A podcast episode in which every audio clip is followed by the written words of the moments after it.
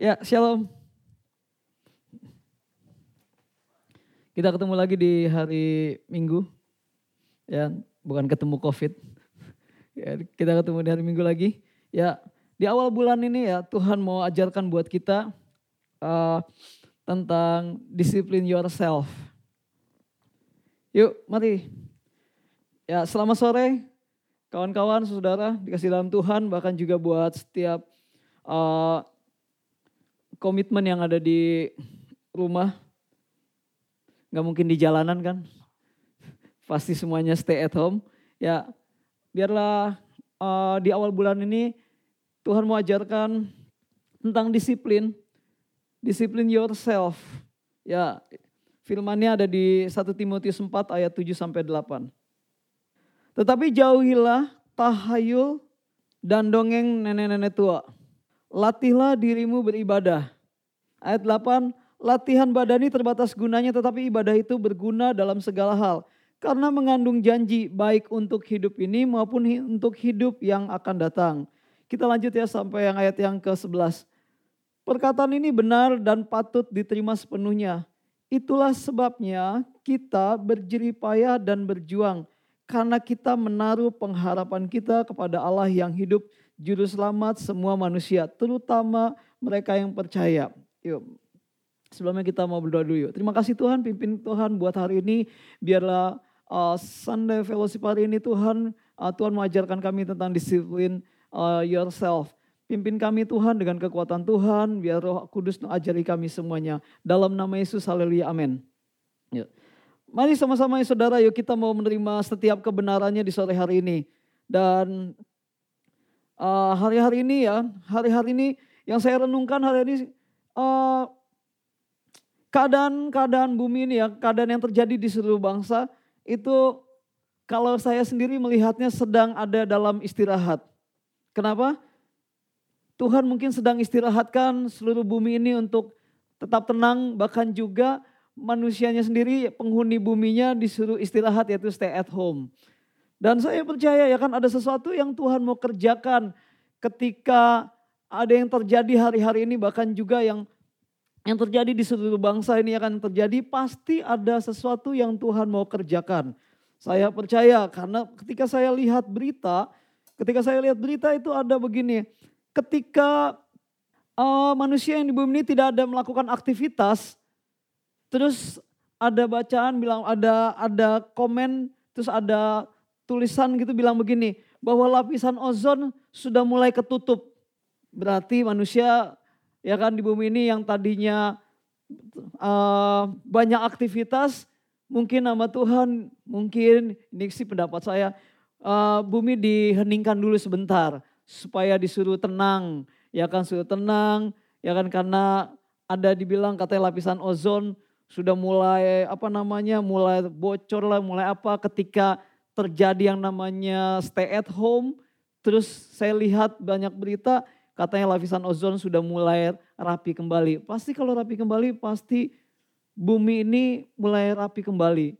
Tanahnya yang dipijak yang itu mulai rapi kembali. Nah itu buat buminya. Tetapi buat penghuninya ya kita manusianya pasti saya tahu ketika kita disuruh tinggal di rumah ya kan saya percaya pasti Tuhan mau kita juga dibenahi Lalu bahasanya dibilang stay at home atau work from home. Terus ada lagi bilang jangan matiin HP. Wih, ya kan HP ya kan ada yang bilang lockdown nih HP-nya.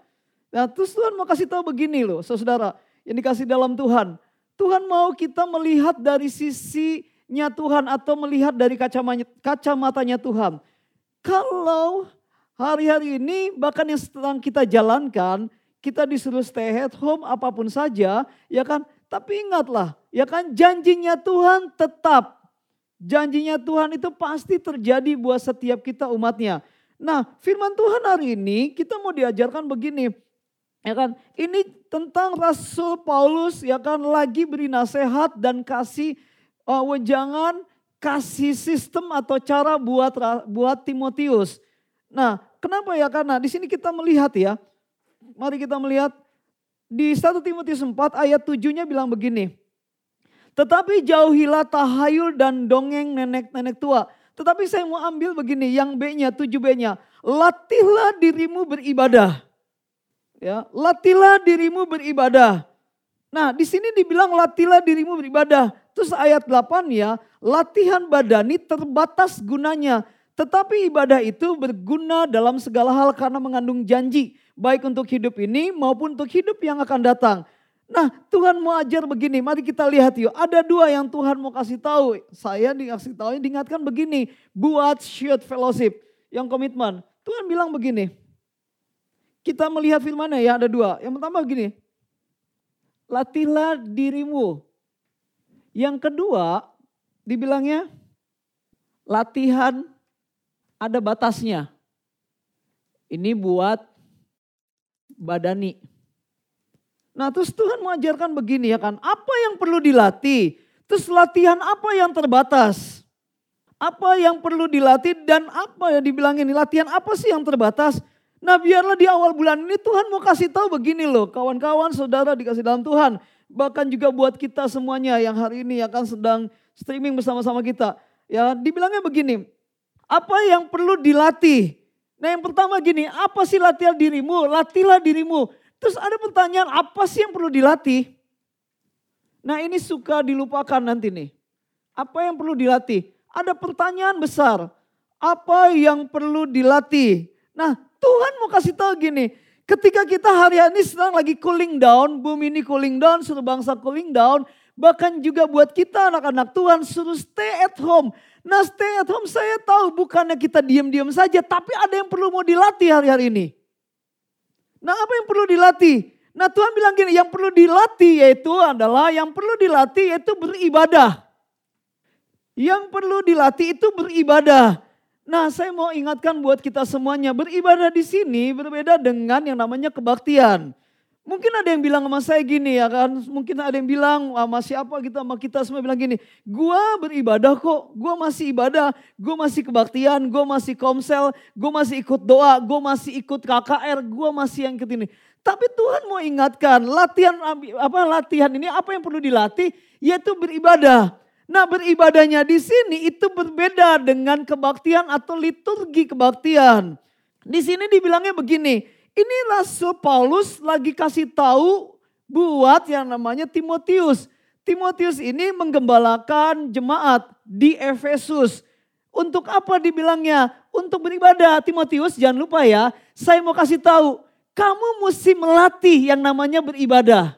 Beribadah bukan kebaktian. Beribadah bukan kebaktian. Ini beda katanya, akar katanya berbeda. Kalau kita buka Yunaninya. Nah Tuhan bilang begini ya kan ke saya gini. Len kasih tahu buat, lebih lagi buat kawan-kawan komitmen. Kalau hari-hari ini disuruh cooling down, stay, yang at home, apa pun saja yang lagi terjadi di bumi ini, di bangsa ini. Tuhan bilang gini, latihlah dirimu beribadah. Mesti latih. Nah ibadah ini apa ibadah ini? Nah Tuhan ajarkan saya ya kan yang dimaksud untuk latih ibadah di sini. Yaitu bicara tentang kesalehan. Kenapa kesalehan? Kalau ayat di atasnya sudah sangat jelas. Untuk apa? Untuk ya kan menangkal dari setiap ajaran-ajaran sesat.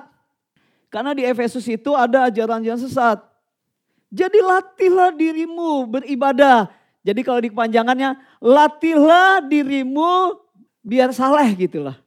Beribadah kita ganti dengan kesalehan. Nanti kesalehan ini, saudara ya kan kesalehan nanti kita mau belajar lagi. Kesalehannya di bawahnya ada ya kan?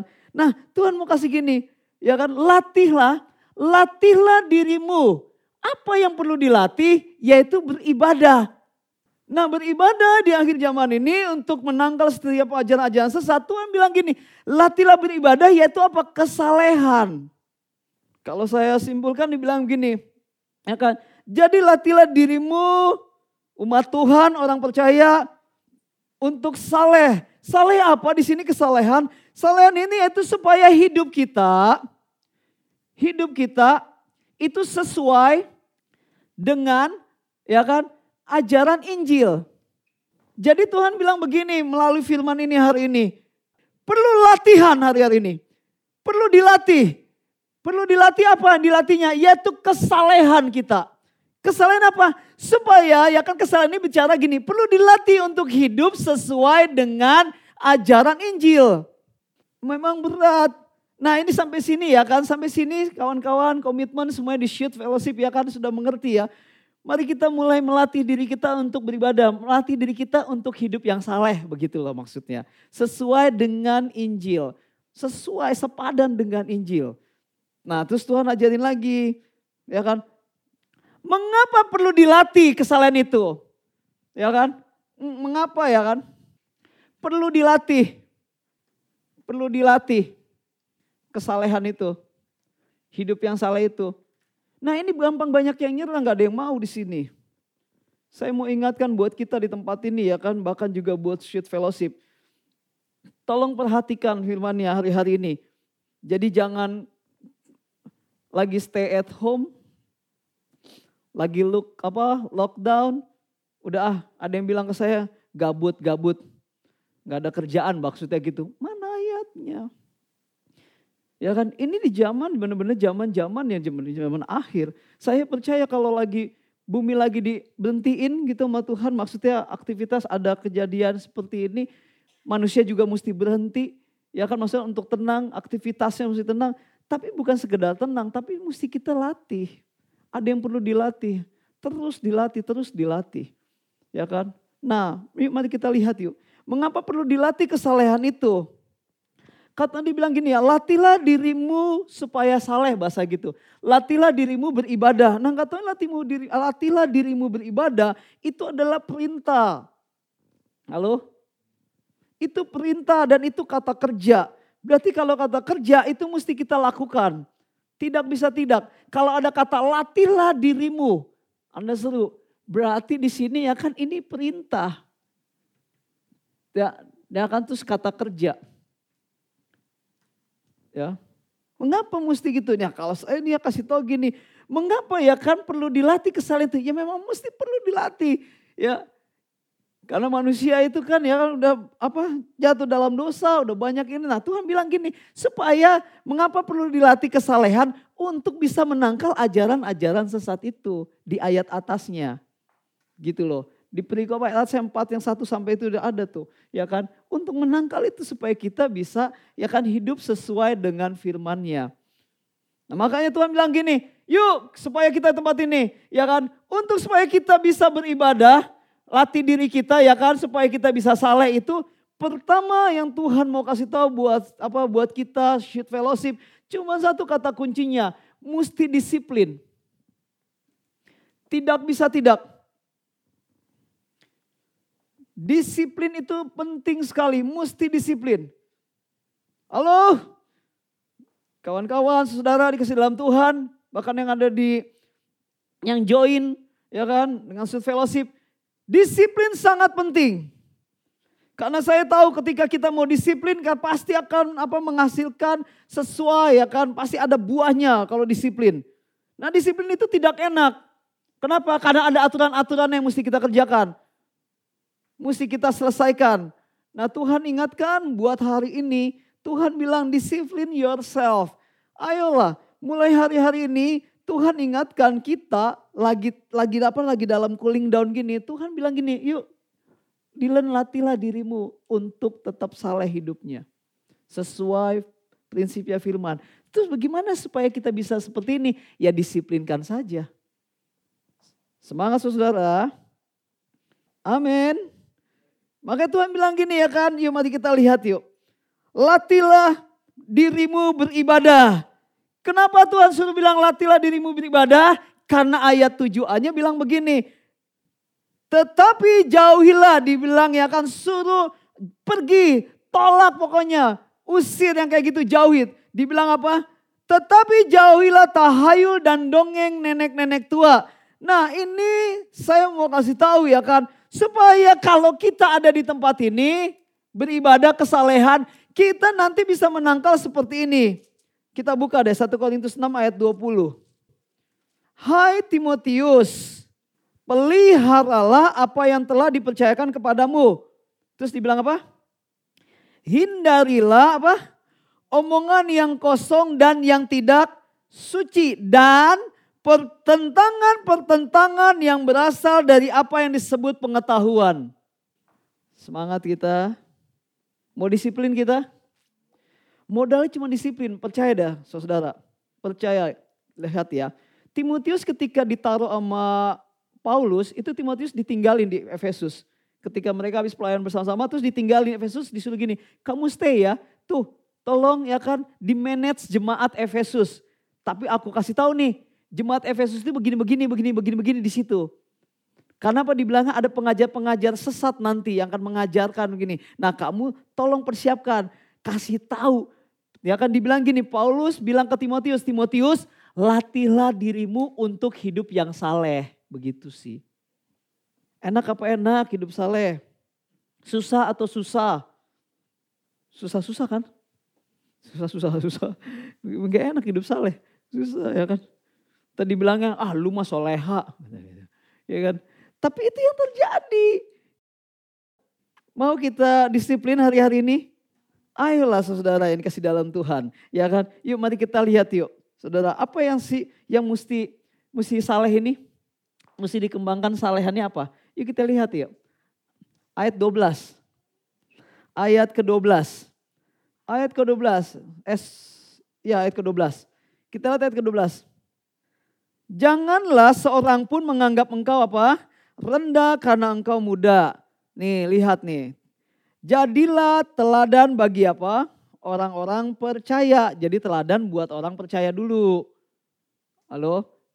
Alkitab yang bilang, berarti di gereja itu. Karena gini, di komunitasnya Timotius, di jemaat Efesus, itu ada ajaran-ajaran seperti yang gak jelas. Ada misalnya dongeng-dongeng. Bahasanya begini kalau dongeng mungkin gini kali ya. Ini kan cerita-cerita nenek-nenek tua maksudnya gini.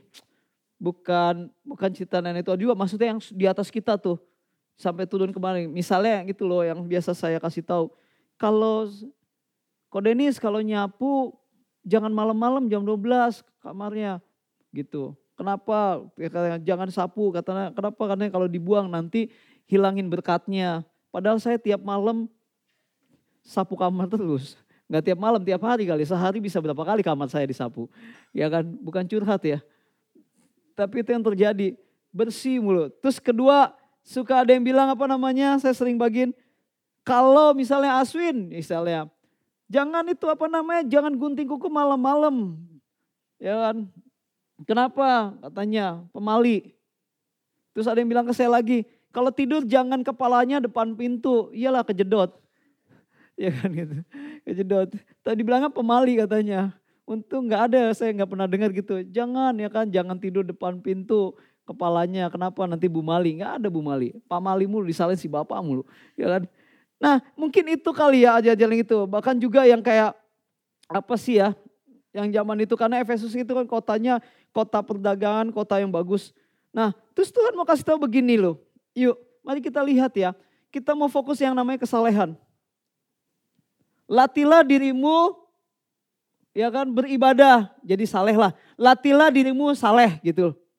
Ya, biar kita bisa saleh gimana ya kan. Terus Tuhan kasih tahu ayat yang 12 yuk. Mari kita lihat. Yuk. Jangan seorang pun menganggap engkau rendah karena engkau muda. Jadilah teladan bagi apa? Orang-orang percaya. Pertama, ya kan, dalam perkataan. Ada lima oh salah. Yang kedua, tingkah laku, sikap. Tiga, kasih. Kasihmu ya. Terus empat, kesetiaan. Terus sucian itu dibilangnya pure. Pure itu murni ya. Kemurnian. Ada lima. Itu di jemaat ini. Jadi gini, mungkin kita ya kan untuk menghadapi ya kan di luar sana gak usah gimana-gimana sebagai gereja Tuhan. Nah Tuhan ingatkan ya gak usah. Tuhan ingatkan melalui firman ini Ya kan dikasih taunya gini, ya kan latilah dirimu supaya saleh gitu loh. Latilah dirimu beribadah bukan kayak kita begini doang ibadah datang hari Minggu, bukan. Tapi disuruh latih. Setelah hari Minggu kan kita mesti terus latih. Latih terus dengan Tuhan. Nah apa yang perlu dilatih? Nah yang dilatih itu gini perkataan kita. Perkataan. Makanya Tuhan kan kasih ya kan mulut satu, nggak mulut dua. Kalau mulut dua bahaya. Kasihnya telinga, suruh kasih perkataan biarlah melalui perkataan kita, bukan kita tapi stay diem-diem doang gitu. Terus uh, apa namanya, pasang muka tuh kayak slow, kayak bukan slow apa sih, dibuat-buat gitu, dibuat-buat. Ya kan, jangan dibuat-buat pokoknya. Tapi suruh menjaga perkataan. Maksudnya jangan cepat reaksi gitu loh. Ya kan, bukan apa cepat reaksi baru terima ini langsung reaksinya yang gimana gitu. Kan pasti keluar perkataan yang tidak membangun. Terus kedua sikap dibilangnya. Buat kita nih ya kan, buat kita gerejanya. Shoot fellowship. Ya kan dibilang apa? Latih perkataan. Latih sikap kita. Terus latih kasihmu. Dibilang kasihmu berarti Cuman buat lu gitu loh, kasihmu pribadi kita. Kasihmu gimana Dylan? Kasihmu gimana? Jadi Tuhan langsung bilang bukan cuma bilang bukan begini doang loh. Bukan tuh bilang kasih, enggak kasihmu berarti langsung pribadi seseorang. Bukan general, dibilang langsung seorang. Kasihmu, gimana kasihmu sekarang? Gitu loh, entah ke Tuhan, entah ke sesama gimana. Ya, Terus ke tempat dibilang kesetiaan. Ya, Tuhan itu Tuhan yang setia, walaupun kita tidak setia. Mari kita mulai belajar. Yang kelima dibilang kemurnian. Wah ini namanya juga murni, akan kemurnian itu benar-benar dimurnikan. Nah hari-hari ini ya kan Tuhan mau bawa kita di sheet fellowship. Di awal bulan, di bulan April ini ya kan perhatikanlah saudara dikasih dalam Tuhan. Terlagi buat seluruh komitmen. Tolong mesti dilihat sekarang. Apa yang perlu dilatih, terus latihlah dirimu. Bukannya kita nggak bisa, nggak boleh datang beribadah, kumpul bersama-sama. Toh sekarang nyatanya ya kan, ketika keadaan yang lagi menekan bumi ini, bangsa ini, langsung semuanya off, stay at home. Langsung online ibadahnya. Berarti kan Tuhan lagi suruh cross check semua kita yang lima ini. Betul tidak sih? Ya kan suruh cross check nih sekarang perkataan kita gimana, sikap kita, kasihnya kita gimana, kesetiaan kita gimana, kemurnian kita gimana. Menurut saya ini untuk apa? Ya untuk nanti ya kan ada yang namanya pengajar-pengajar sesat. Tuhan mau ajarin gitu loh. Ayolah saudara dikasih dalam Tuhan. Kita sama-sama terus berjuang. Saya percaya ketika kita mau latihlah dirimu untuk supaya kita saleh. Nah yang kelima hal ini kita mau selesaikan gitu ya kan. Lima hal ini perhatiin ini tidak mudah dan tidak gampang. Nah kata kuncinya yang kedua Tuhan bilang saya gini, tetaplah Dilan kamu berharap. Ada pengharapan datang dari Tuhan. Nih kita lihat ayat yang ke ayat yang ke-10. Yuk kita lihat ayat yang 10. Perkataan ini benar dan patut diterima sepenuhnya, layak diterima sepenuhnya. Lanjut ayat 10-nya. Sebab itu eh itulah sebabnya apa dibilangnya? Kita berjeri lelah. Ya kan payah bukan lelah nih. Ya kan? Ah, ya kan? Namanya juga manusia ya. Ya kan? Itulah sebabnya kita berjeri payah. Kalau payah tuh gimana sih? Payah nih gitu ya. Payah, aduh muyung, muyung, gitu lah. Ya kan, kelayangan bukan kelayangan lagi ya, payah nih. Wah payah, udah payah tuh udah gak bisa apa-apa gitu ya. Kalau lelah kan masih bisa ada yang namanya apa? Ya kan? Bisa minum yang dingin-dingin gitu loh maksudnya. Tapi kalau udah payah, payah nih udah gak bisa nih. Disclaimer gitu loh maksudnya. Ya bahasa gitu kan.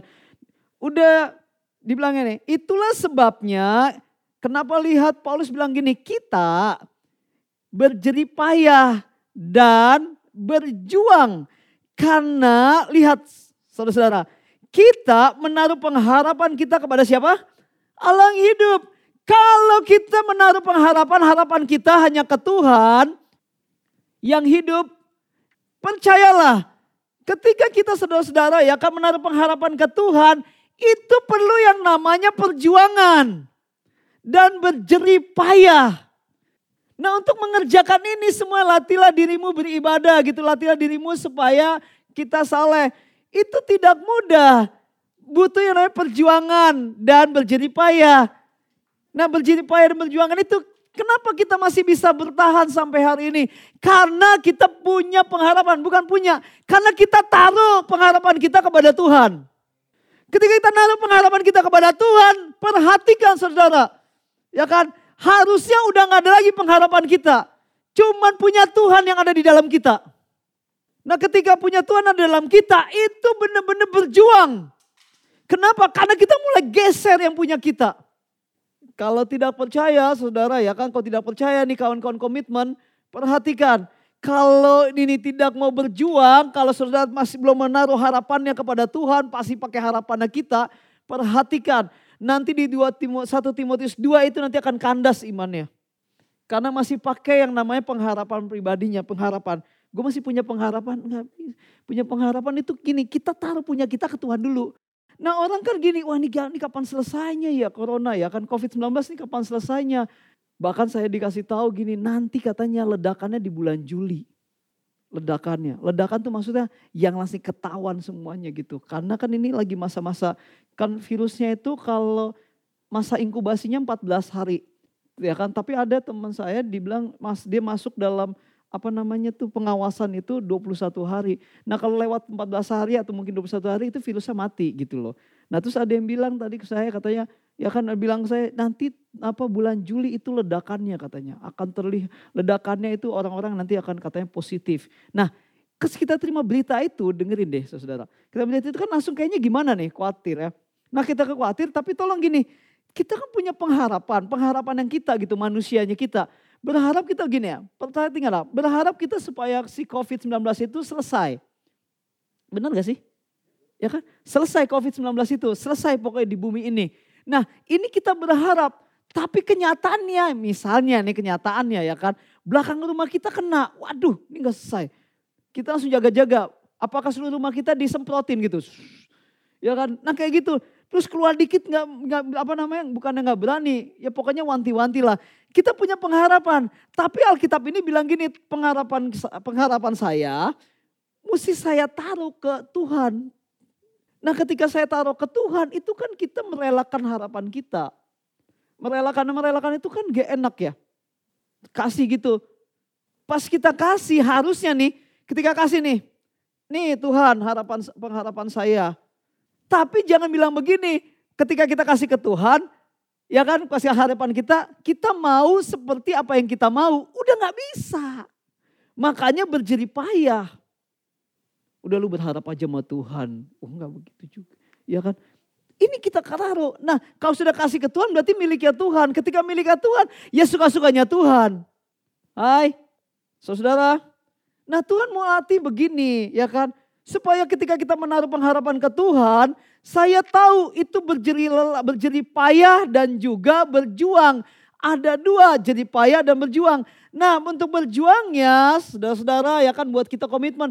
Kita mesti latih nih, kita mesti terus berjuang. Sampai kita mendapatkan lima ini di hadapan Tuhan sesuai firmannya. Yang mesti dilatih ini perkataan, sikap, kasihmu, kesetiaan dan kemurnian. Latih itu, latih terus, latih terus, latih terus, latih terus. Ya kan? Makanya ayat bawahnya dibilang begini ayat 8. Latihan badani apa dibilang terbatas gunanya. Maksudnya gini, latihan badani terbatas gunanya. Bukannya nggak boleh saudara olahraga, nge-gym apa pun saja. Karena bahasanya di sini latihan ini gimnazo ya, nge-gym gitu ya. Maksudnya latih otot-otot gitu, latih otot-otot untuk tubuh biar jadi simetris atau six pack atau one ball. Masih gitu. Ya, nah disuruh latih. Nah kalau disuruh latih berarti latihan badani. Tapi langsung Tuhan kasih tahu melalui Rasul Paulus. Latihan badani itu terbatas gunanya. Karena cuma sampai sebentar sampai di situ. Makanya dibilang ayatnya Tuhan teguhkan buat kita. Hai saudara kasih dalam Tuhan perhatikan buat shoot fellowship. Ketika kita mau latih diri kita untuk kita bisa saleh. Ya kan latih diri kita ya kan kesalehan pasti latih. Tuhan bilang gini ada janji. Lihat ya karena dibilang ya kan, latihan badan terbatas gunanya, tetapi kesalehan itu berguna dalam segala hal. Tetapi kesalehan ini berguna, ada gunanya, ada manfaatnya. Gitulah ya, bermanfaat. Bermanfaatnya buat kapan dibilangnya? Nih lihat janjinya Tuhan. Bermanfaatnya itu buat tetapi kesalehan itu berguna dalam segala hal. Jadi dalam segala hal apa aja karena mengandung janji. Ya, yang studio apa namanya yang di studio bilang amin. Ya, kan? Yang lagi streaming juga amin. Ya kan? Jangan ngetik doang, amin bilang amin amin amin gitu loh. Ya kan? Amin pokoknya ada janji. Nah Tuhan bilang gini, ini bermanfaat karena ada janjinya. Kesalahan itu ada janjinya kata Tuhan, ada janji. Dan dia itu benar-benar yang memegang janji. Janjinya dibilang apa? Di janjinya dibilang gini, baik untuk hidup ini. Nih hidup ini yang kita jalanin walaupun kayaknya agak ngesot, ada yang sakit, ada yang lemah, ada yang wah pokoknya gitulah. Tapi Tuhan ada janji dibilang. Terus sudah dibilang lagi, mana? Nanti ibadahnya terbatas guna, tetapi ibadah itu berguna dalam segala hal karena mengandung janji baik untuk hidup ini maupun apa? Untuk hidup yang akan datang. Berarti ya kan ini nggak ada batasnya gitu loh. No limit lah pokoknya. Semangat kawan-kawan, saudara kasih dalam Tuhan. Oke buat yang di Sheet Fellowship, mari kita sama-sama. Berarti ini pesan ya kan terakhir. Tuhan mau kasih tahu gini, kawan-kawan kita sedang stay at home. Buat teman-teman yang komitmen Ya, saya tahu ya kan tadi Tuhan bilang begini ayatnya, kalau kita menaruh pengharapan kepada Tuhan itu berjerih payah dan berjuang. Tolong ya, ada kata yang namanya jerih payah. Jerih payah, ini udah payah banget nih berarti nih. Terus sama dibilang fight, berjuang. Jadi bukan gampang, bukan bilang ah gua pengharapan gua sama Tuhan. Ketika pengharapan gua sama Tuhan kayaknya jalannya enak-enak aja mulus-mulus. Enggak benar-benar berjerih payah dan berjuang. Alkitab yang mengajarkan. Saya yakin Timotius ketika ditempatkan di situ, jemaat itu pasti dia ya kan, wah itu masih muda, darah muda lagi ya kan. Ya kan maksudnya begitu masih muda, mimpin misalnya yang di atas-atasnya dia jemaatnya, di jemaat yang kepala batu lah, apa pun aja gitu, ngeselin, ya kan. Bahasanya kayak gitu loh, ya kan. Itu yang terjadi kayak begitu. Ya kan? Tapi lihat Timotius cuma diajari sama Tuhan. Timotius, latihlah dirimu untuk saleh. Apa yang mesti dilatih? Tadi perkataan, sikap, kasihmu, kesetiaan, dan kemurnian. Peganglah lima itu. Mulai latih hari ini. Dan saya percaya ketika saudara mau latih semuanya itu, ya akan perhatikanlah kata Tuhan. Ingat itu ada janji buat hari ini, bahkan untuk sampai kekekalan. Kenapa? Karena Tuhan ingatkan buat hari ini, mari kita sama-sama teman-teman di Shoot Fellowship, mari mulai latih. Mulai melatih terus dirinya, melatih dirinya untuk bisa perkataan dijaga, sikapnya, kasihnya, kesetiaan dan kemurniannya. Biarlah itu nanti tetap kita didapati sesuai apa yang Tuhan inginkan. Haleluya. Amin. Demikianlah firman Tuhan.